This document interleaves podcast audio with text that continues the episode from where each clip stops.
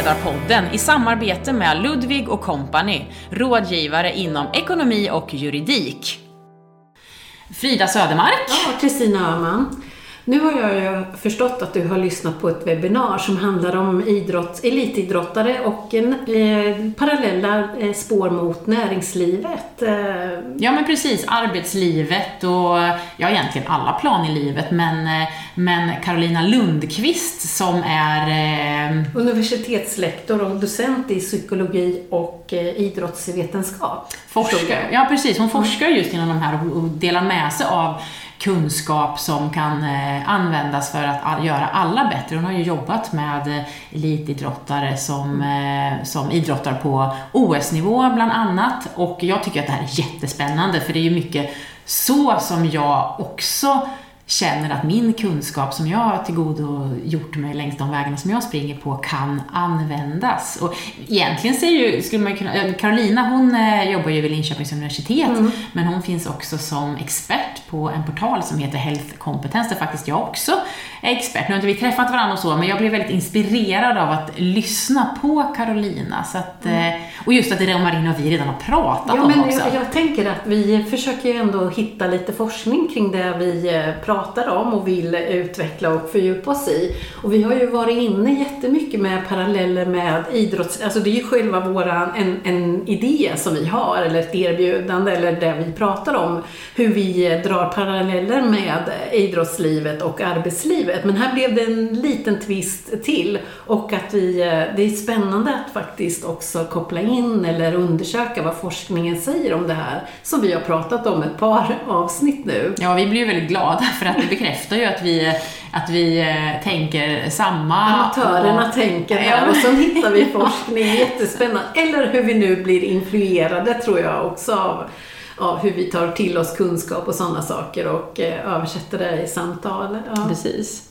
Och vi, vi har ju vi hållit på, vi har hållit på länge nu, Kristina, många avsnitt. Vi är väl på avsnitt åtta här idag. Ja. Och att det kan vara motgångar längs den väg man eh, vandrar, oavsett om det handlar om att starta ett nytt företag eller att vara ledare på ett företag, en högsta ledaren, VD eller en, mindre, eller säger man, säger en lägre ledande position. Eh, och att ha idrottsliga mål. Det, det finns liksom bumps på vägen, stora eller små, men de behöver ju inte vara ondo. Nej, och och det är väl det som Carolina lyfter fram. Eh, att det är tvärtom igen. Eh, att det faktiskt kan vara av godo att, eh, ha, att se motgångar som någonting eh, som utvecklar dig mot eh, ditt mål, ditt, eh, din prestation eller ditt arbetsliv också. Hur, eh, vad, hur brukar du göra när du ser eh, att du är på väg till att inte liksom nå dit du ska? Alltså, det är, ju, det är ju genom att ha gjort, eller att ha fått en motgång många gånger, gör ju att man blir bättre på att hantera dem. Man kanske inte blir lika rädd nästa gång man stöter på en motgång och en motgång. Det kan ju handla om att man, som jag, bröt benet för x antal år sedan, det blir väl fyra år sedan, och jag tänkte att det första, det var faktiskt en ganska kort tanke, men att nu är det slut, hur ska man kunna fortsätta idrotta om man har brutit benet? Men den tanken var ju nästan mikroskopiskt kort, för jag beslutade mig ju direkt att det här skulle jag ju lära mig någonting av, vilket jag också gjorde. Och det är ju en ganska stor skada, men jag har ju, man har ju stött på många andra motgångar när man kanske inte har uppnått den, det tidsmål man hade, eller man har dragit på sig någon annan liten förslitningsskada för man har gått på lite för hårt och kanske inte lyssnat på kroppen. Men det jag, all, det jag verkligen har tagit med mig från de här olika typerna av motgångarna, särskilt när det gäller de fysiska skadorna, är att jag behöver inte vara rädd om jag drabbas av det, för att det, man, man blir av med dem och man lär sig kan man bli bättre på rehab, man blir kanske bättre på att alternatividrotta, göra någonting annat istället som kanske är precis lika bra. Och det är ju svårt när man är hel och ren, tänkte jag säga, men hel, hel, hel att eh, lägga tid på. Ja, men om, om man lyssnar nu på Carolina eh, så, så tänker jag att hon eh, lyfter fram det här med att ha långsiktiga mål. Eh, att hålla fast vid någonting, att lyfta upp blicken mot ditt personmål, eller din karriärmål, eller företagsmål eller arbetslivsmål. Att det kan underlätta för att ta de här motgångarna.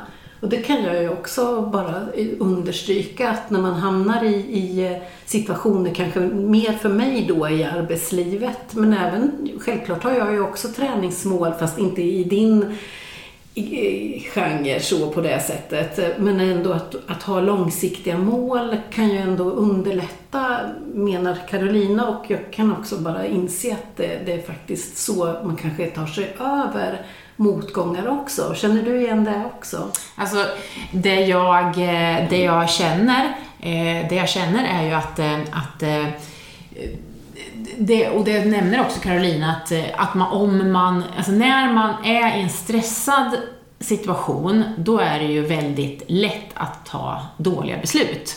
Mm. Och därför så utsätter sig ju idrottare, även andra människor, för situationer där man Eh, är, blir stressad. Det kan handla om att man deltar i eh, motionslopp som kanske inte är lika, eller motionslopp låter, det kanske inte låter så, vad ska man säga, elitidrottsaktigt, men man kallar ju lopp för motionslopp. Men hur som helst, att man utsätter sig för tävlingar för skarpa lägen som kanske inte är lika viktiga som det största skarpa läget, just för att träna på hur blir jag i den här situationen, hur tänker jag, Eh, ett, ett, exempel på ett dåligt beslut när man är stressad och kanske trött, det kan ju vara att man, eh, man, eh, man eh, kanske struntar i att ta den där energidrycken eller barsen för man känner att nej, jag behöver nog inte den och jag är inte sugen och det löser sig nog ändå. Men det kanske inte var det bästa beslutet där när man inte var sitt bästa jag. Och då märker nästa gång som man lärt sig att du måste ta de här grejerna för att du ska orka ända till slutet. Men om man har tränat på det. Och det kan ju också handla om att man kanske tar, gör det fel tempo, man kanske behöver något annat motivationsverktyg för att ta sig framåt. Det finns ju så mycket olika beslut man kan ta under ett lopp. Nu är mina lopp väldigt långa så jag hinner ta många beslut. Man hinner väl färre beslut under ett 100 meters lopp. Men att mm. utsätta sig för de här situationerna i alla fall, mm. det gör ju att man tränar på att tänka rätt och behålla fokus. Och om man har gjort det, då blir det kanske inte lika viktigt, med, viktigt att det gick lite dåligt en gång, för man har ju det här långsiktiga målet som du pratade om. Då är det lättare att se på det och inte hänga upp sig på de här små motgångarna i stressade situationer för att man just har tränat på det. Mm. Eh, ja, men, om jag ska gå in eh, så ta parallellen mot företagande. Det här har vi ju också varit inne lite grann på att eh, ha, ha långsiktiga mål i sitt företag. Och att eh, när, vi, när vi startade, eller vi startade eh, mitt företag, eller jag startade mitt företag, så handlade det ju jättemycket om att jag hade en bild över vad det skulle göra eh, långsiktigt. Men, och, men det är klart att de där motgångarna dök ju upp där, att det inte blev som jag tänkte. Det var ju inte så att alla stod i kö på och ville prata med mig som konsult. Men eh, tack vare att jag ändå såg det som en långsiktighet, eh, att det här är inte någon quick fix, där mitt företag ska, och jag ska leva länge tillsammans, så tar man sig igenom det ändå med eh, mer lätthet. Alltså ingenting är lätt när man tycker att man har en motgång precis då, men Nej, och det är ju just då som du ah. inte får ge, ge upp. Då. Ja, Nej, det, det att ju... träna på. Och vi har ju skojat lite grann nu under de här dagarna att vi har tränat på jobbigt. Vi har varit inne och, och tränat på jobbigt och, och jag har åkt skidor i eh, i djup snö och det gick inte särskilt eh, eh fort framåt. Eh, eh, men det var ju faktiskt att om jag ska bli bra på längdskidor och orka åka långt och länge så behöver jag ju ta den där eh, ta mig igenom den här snöiga liksom, spårningen någon gång också. Men jag hade verkligen eh, hjälp av att vi hade pratat om att det är bra att vara här ute nu. Det är inte liksom läge att kliva av, utan nu ska jag hålla i. Och jag kommer bli jättemycket bättre nästa gång eh, för att jag faktiskt också har tränat min fysik, min styrka och alla de här delarna. Men hade jag bara tyckt att det var ett skitpass och inte har något långsiktigt mål så hade jag förmodligen bara klivit av och gått hem. Mm hur viktigt det är. Alltså, tänk, tänkte verkligen på hur viktigt det är med, med att ha en målbild och långsiktighet i det här. Mm. Och hur lätt det kommer bli sen när du har bra valla och du inte har den här Ja, höga snön. Ja. Men det, det är intressant för det är fler än du som har tagit skidexemplet senaste tiden. Så då nämnde jag också dig. Och mitt lilla jobbiga som jag tränar på, det var ju att jag ställde upp i ett 3000 meters lopp inne på bana här för några veckor sedan och det tycker jag är skitjobbigt för det, då ska man springa fort precis hela tiden. Jag startar mina ultralopp, då har jag ju ändå, då vet jag att då har jag lite inställningstid och det kommer vara toppar, det kommer vara dalar, men där ska man ju vara supersnabb precis hela tiden och dessutom så är det folk som sitter på läktaren och ser hela loppet. I ett ultralopp så är man ju ibland, eh, ja, vid publikfria zoner, eller inte zoner, men sträckor där det inte står så mycket publik där man kan eh, ja, där, eh, där det inte är så eh, påtagligt om man inte har sin snyggaste löpstil och sitt eh, bästa klipp i steget. Så att det är lite så här, den är, den är, jag kan känna att det är tuffare att starta ett sånt lopp än att starta faktiskt i ett ultralopp. Och, men jag gör det ändå, det är ju jättekonstigt kan man många tycka när jag tycker det är så himla jobbigt och man går och drar och tänker, Ja, men- men- idag är det där. Men Ja, jag men vet är jag, det- Gör du inte det för din Jo, långsiktighet? då? jag gör, Ja. jag gör ju det för att jag vet att det här är Alltså, en bra träning mm. och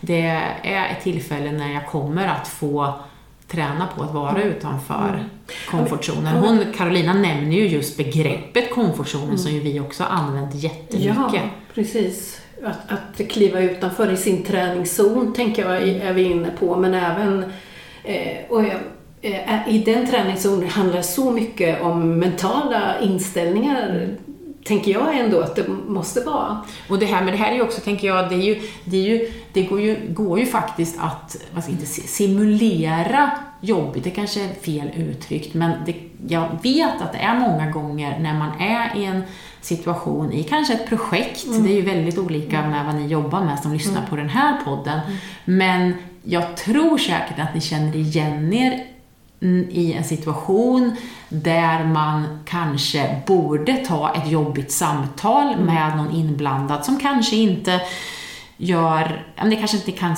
det kanske inte funkar med samarbetet eller du behöver be om någonting som är obekvämt och ja, men du, du känner att det här, här, här har jag ett motstånd, det här samtalet vill jag faktiskt inte ta och sen så går man någon omväg via någon annan kanal som kanske inte var rätt kanal för att det ska, ja men undviker liksom det jobbiga som kanske egentligen skulle varit lärdomsrikt och kanske mer, mindre tidskrävande att ta tag i men man inte riktigt vågar.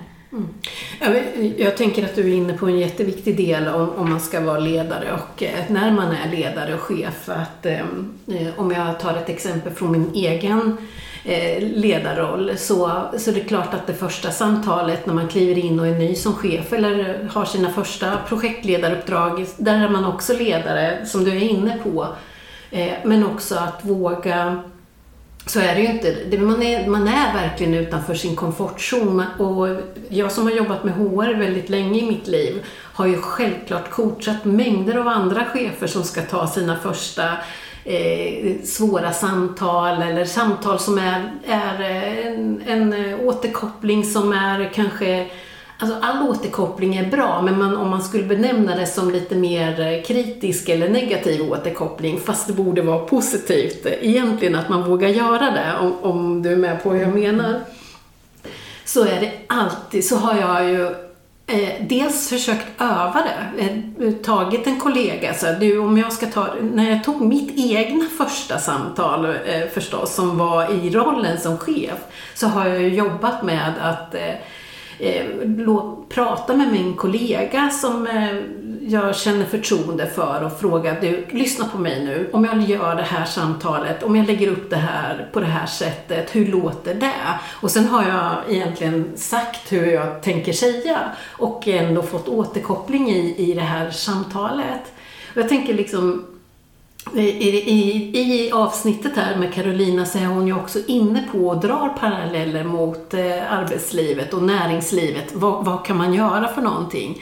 Eh, och ger, ger råd också utifrån de här, eh, hur viktigt det är att träna på det här obekväma eller svåra samtalet och, och kroka arm med någon som faktiskt har i annan erfarenhet eller kan vara en, en god eh, åt, alltså vän, eh, eller vad ska jag säga, matchning eller eh, kollegor som kan lyssna på dig, hur viktigt det är. Att... Lite som men mentorskapet är vi inne lite på där. Ja, men precis. Att, att, att ska du, du kommer att eh, fatta tuffa beslut som chef, i, tränare på vägen dit. Och det här samtalet som kanske inte alls egentligen med, med nya, med gamla, mina glasögon idag, inte var särskilt svårt. Eller det var ett samtal som man kan göra ganska bekvämt ändå. Men det är, det är en progress, det är en utveckling och du måste öva behöver öva för att bli riktigt bra på att ge fin, bra återkoppling som kanske ändå vill utveckling. Det kan vara vänlig men ändå vilja utveckling, vilja förändring. Mm. Det tycker jag hon... Och, jag tänker att som din tränare, de kanske inte du träffar liksom dagligen har vi ju förstått och så, men, men eh, ändå att ge återkoppling på hur du eh, vad är det som går bra eller dåligt eller hur, vad du behöver tänka på. Det är ja, men det är väl lite så, ja, men alltså, det, ledare, en ledarposition, särskilt en högt uppsatt, eh, typ, ja, VD behöver ju inte vara VD, men, men är ju en väldigt ensam ensam roll. Och där kan det ju vara väldigt, är det ju viktigt att ha någon att bolla frågor med som eh, kanske inte heller har personligt eh, koppling till frågorna mm. för att ha lite ett utomstående perspektiv. Det är ju jätteviktigt och där tänker jag det här, där, då vågar man kanske gå lite mer utanför komfortzonen för att det är någon som säger om man gjorde rätt och tänker jag rätt här. Och på samma sätt så tror jag att en idrottare som inte har en tränare eller själv har väldigt goda eh, goda insikter i träningsupplägg har nog svårt att uppnå eh, höga resultat för att det är svårt att driva sig själv utanför den här zonen. Det kan ju handla om minsta lilla intervallpass, alltså vad borde du ligga på för tider? Eh, hur många tuffa pass ska det vara i veckan? Hur hur jobbigt ska det kännas för att det ska vara okej? Okay? Alltså, den, det bollar ju idrottaren med tränaren mm. och tränaren med, med förnuftet också i baktanken ser ju till att utsätta adepten för mm. de här mm zonerna. Så att man liksom tränar på stressen, man tränar på pressen och så vidare. Och på samma sätt är det för ledaren. Frågan är ju om du, ja, det är säkert jätteolika. Vi har ju pratat om eh, att du är träningsvillig och kanske jag är lite mindre träningsvillig. Men, men ändå att du har ett, att vi, beroende på hur du har träningsdriv. Jag tänker, jag kan förstå att alltså, är man elitsatsande idrottare som du ändå är eh, fortfarande Eh, Eh, så förstår jag också att man inte kan, att det kan vara svårt att verkligen utmana sig i de här delarna. Eh, att, att pressa sig på ett intervallpass nu eh, ordentligt. Men jag tänker att som amatör då, så kan jag, det blir ju inte, du kan ju ha träningsmål, du kanske ska springa milen eller maraton eller någonting annat. och du kan följa ett pass, men det är klart, den här riktiga, men det kanske inte finns någon drivkraft heller att pressa alltså jag tror att där handlar, det, där, handlar, man där, där handlar det nog mer om att utsätta sig för jobbigt för att eh, det ska bli en trevligare upplevelse när du väl ska springa den där milen. Det kanske inte ja, handlar om medaljer. Det, vi har ju pratat om ja. hur det är att springa maraton utan att träna och det är klart att precis, det kan ju vara kan man dra parallell. Men sen, sen är det ju, nu kommer vi in på det här med mm. medaljer och eh, det tar ju äh, Carolina också upp, eller, eller rättare sagt eh, den som är lite facilitator i, i, på det här webbinariet. Att, vilket är intressant, och det är ju att eh, det kan ju verka jättekul att ha en medalj och komma hem med ett VM-guld, eller det kan ju vara, ja men ha, ha presterat. Men idrottare, och jag kan känna igen mig där, det är ju det är ju nästan lättare att prata om en motgång än en framgång, lite så här jantelag i idrottsvärlden, men det är nog inte, men det är nog inte därför det är det, utan det är, nog, alltså det är ganska jobbigt att ha presterat, för att då förväntar sig ju andra att man ska prestera bättre nästa gång, och det blir ju en press, plus att man ska, ja men det kan ju handla om partners, det kan handla om pengar, men framför allt att nu finns det en förväntning och egentligen sätter du väl den största pressen på dig själv och så är det ju även för de här OS-medaljörerna. Mm.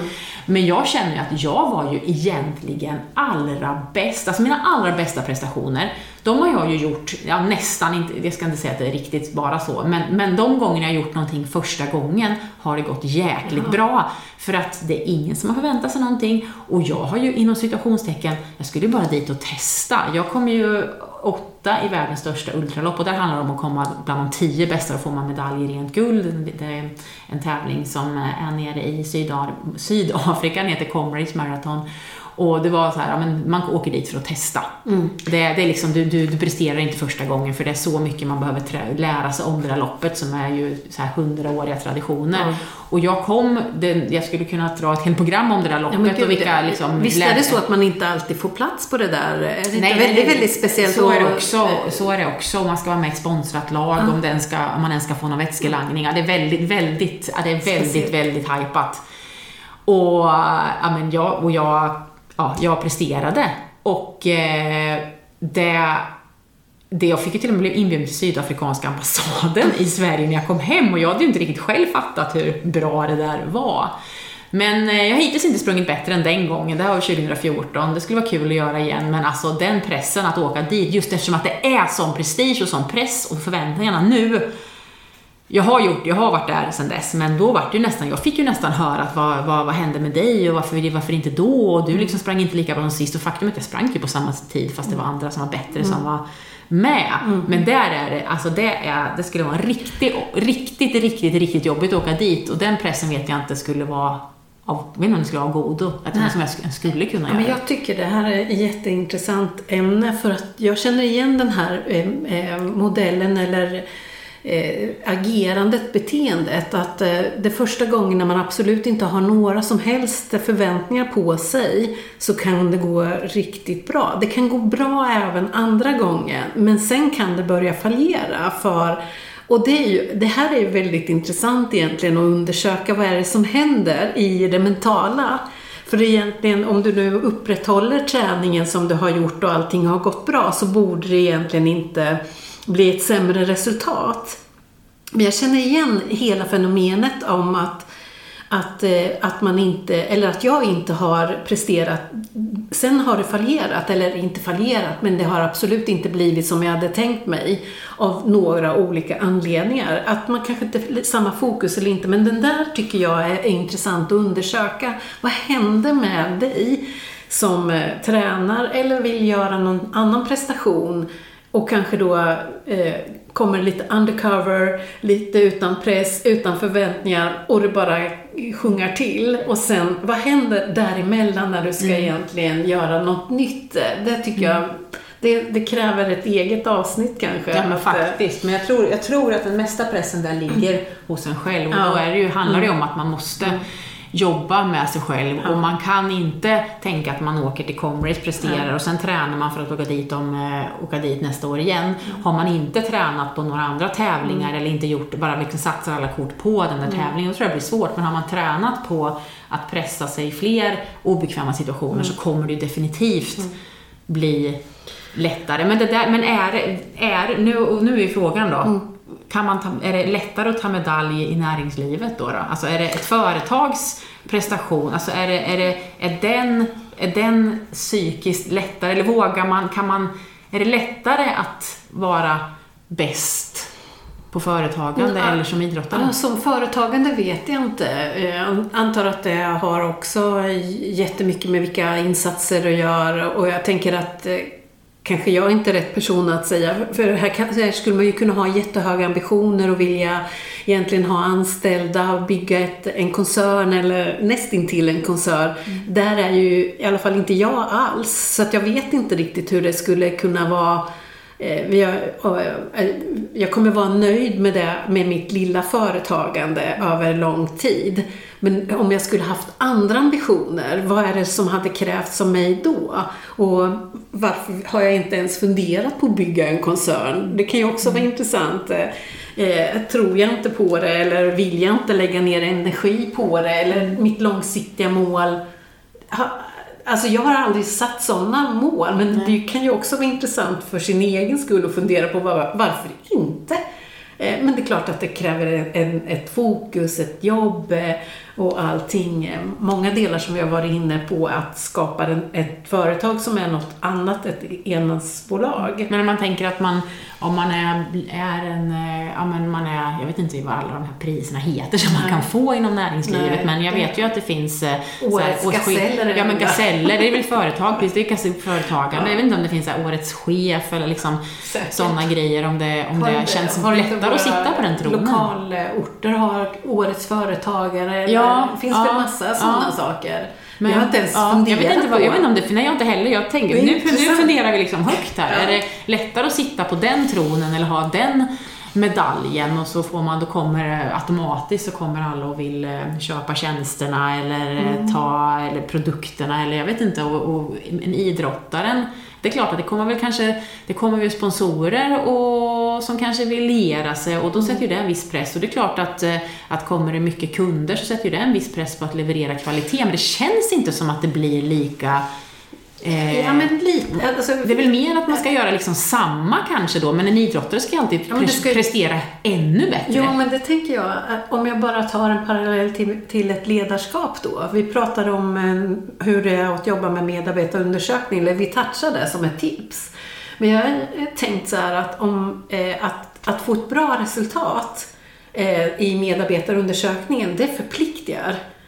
Tycker jag då att då ska du ju, du vill ju i själva liksom konceptet eller allt vi eh, jobbar med handlar ju om att göra en ännu bättre prestation även där. I alla fall för mig.